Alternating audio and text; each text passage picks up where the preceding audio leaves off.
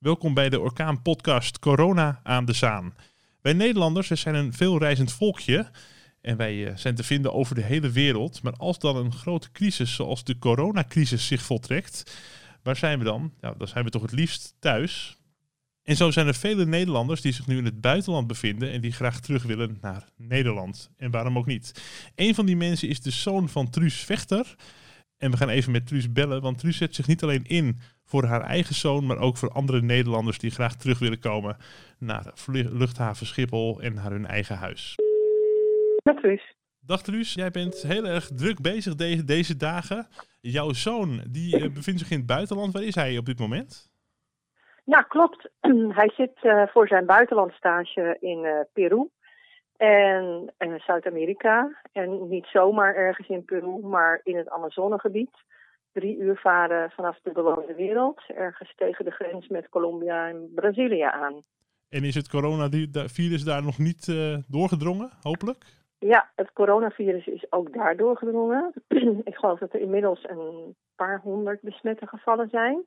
Maar ze hebben sinds vorig weekend, uh, heeft de Peruaanse overheid het hele land al op slot gegooid.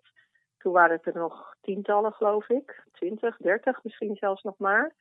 En uit voorzorg uh, heeft Peru het voortouw genomen.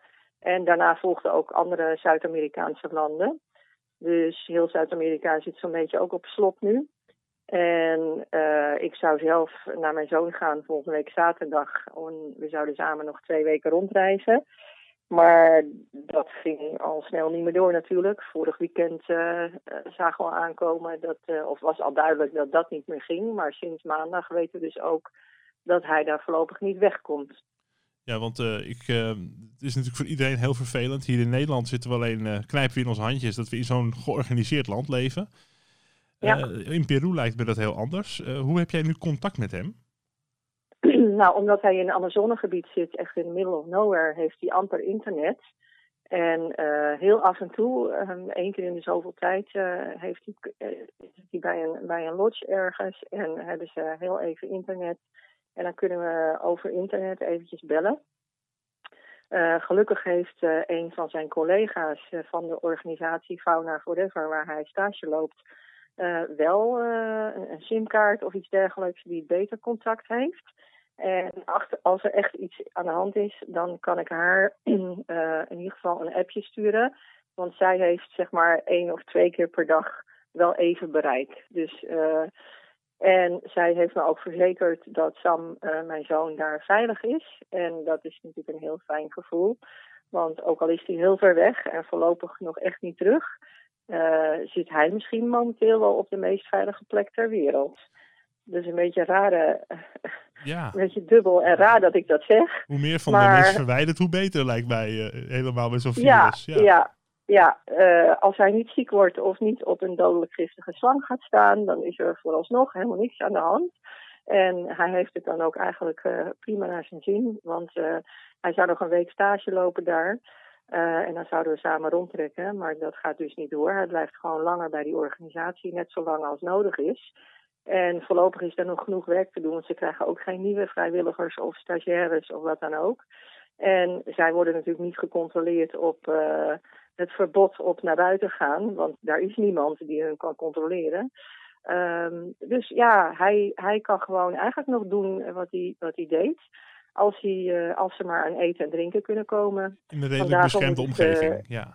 Uh, ja, daarvoor moeten ze naar de bewoonde wereld. En ja, ja dus, dus het, is, het is een hele rare situatie. Ik, ik, wil ook niet weten wat jouw moederhart nu allemaal doormaakt. Hè? Want je wil dan toch het liefst als er een, uh, zo'n noodtoestand is, uh, gewoon je kinderen uh, lekker, lekker bij ja. hebben in de buurt. Ja, dat is loslaten 10.0 zeg maar. En het voordeel is dat je tegenwoordig wel social media hebt.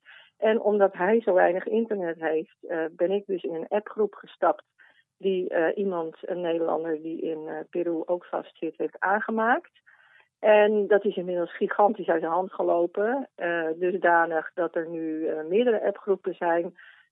we hebben nu zes beheerders. Er zit ook een andere Nederlandse dame, wiens zoon daar in Peru vastzit als beheerder in de appgroep. En de andere vier zitten in Peru vast. En we hebben twee grote appgroepen waar ongeveer 400 mensen in zitten die in Peru vastzitten. En per locatie waar ze dan ongeveer zitten, zijn ook appgroepen gemaakt. Ik heb een hele lijst gemaakt met wie waar zit. En zo ja, ondervinden ze steun aan elkaar en fokken elkaar ook af en toe een beetje op. En dan proberen wij vanuit Nederland weer de rust te bewaren. We hebben contact met de ambassade, met de consul, met uh, het buitenlandse zaken, woordvoerder, noem maar op. Het is gigantisch uit de hand gelopen en ik heb er een uh, dag- en nachttaak aan.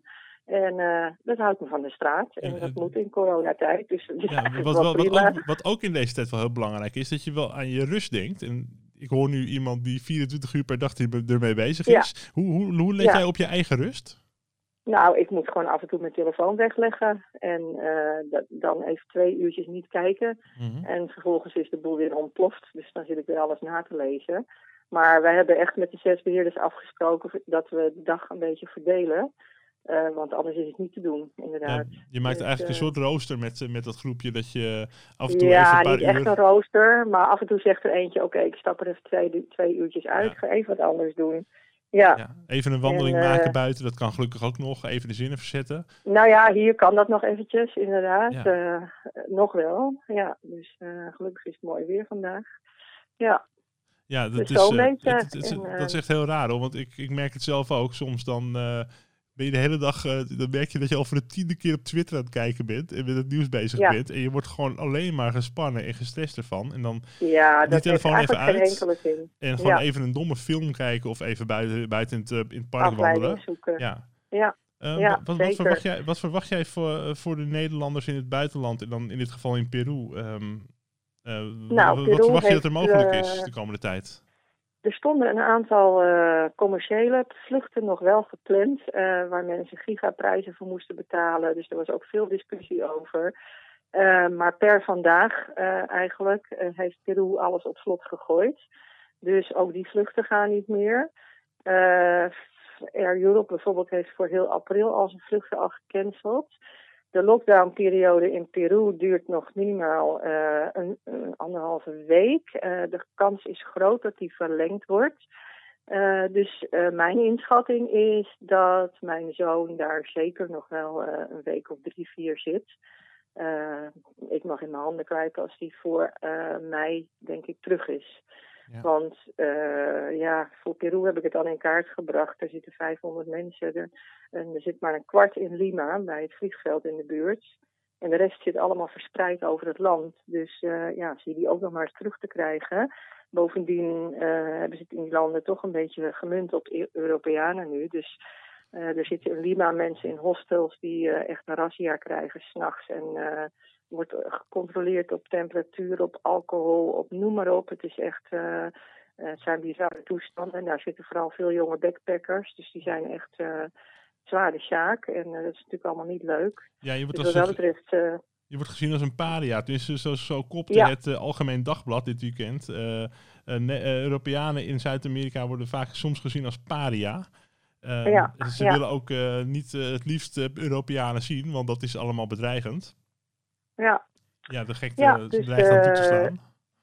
Nou ja, dat verhaal van Ecuador zegt natuurlijk ook genoeg dat er een vlucht kwam en die werd gewoon niet toegelaten. Nee. Dus dan kan je afspreken op hoog niveau wat je wil, maar puntje bij paaltje mag het niet landen, net als in India nu ook gebeurd is.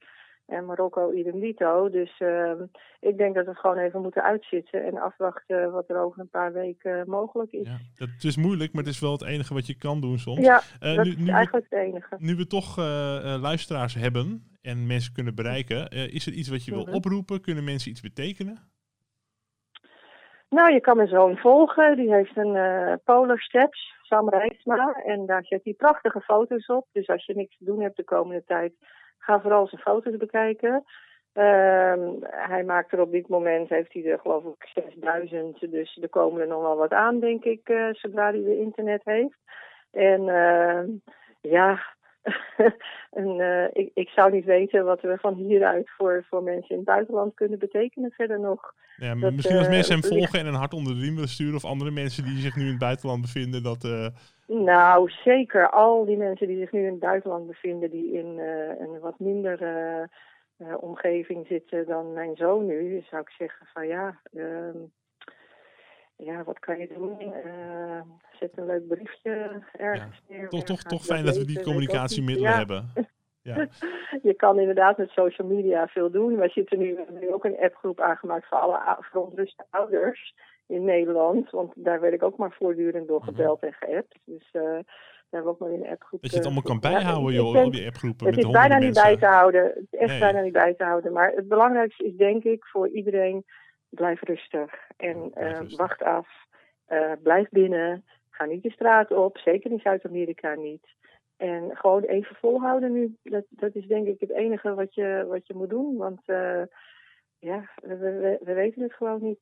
En ik denk ook hier in Nederland hoor. Ik, ik denk dat de volgende week, eind van de week, komt de piek, hè, hebben ze gezegd. Ja. Althans, als het zo door blijft gaan. Dus ja, uh, blijf echt zoveel mogelijk bij elkaar uit de buurt. Dus en, uh, en, jouw zoon kunnen we dus volgen op uh, Polar Steps. En hij heet op Sam, Polar Steps. Sam, Sam Rijtsma. Ja, Sam of op Instagram. Ja, Instagram. en uh, dan gaan we hem bekijken. Als er nog wat is en we kunnen wat voor je betekenen, hou ons op de hoogte. Truus. Ja, ga ik doen. Oké. Dat was Truus Vechter over de Nederlanders in het buitenland.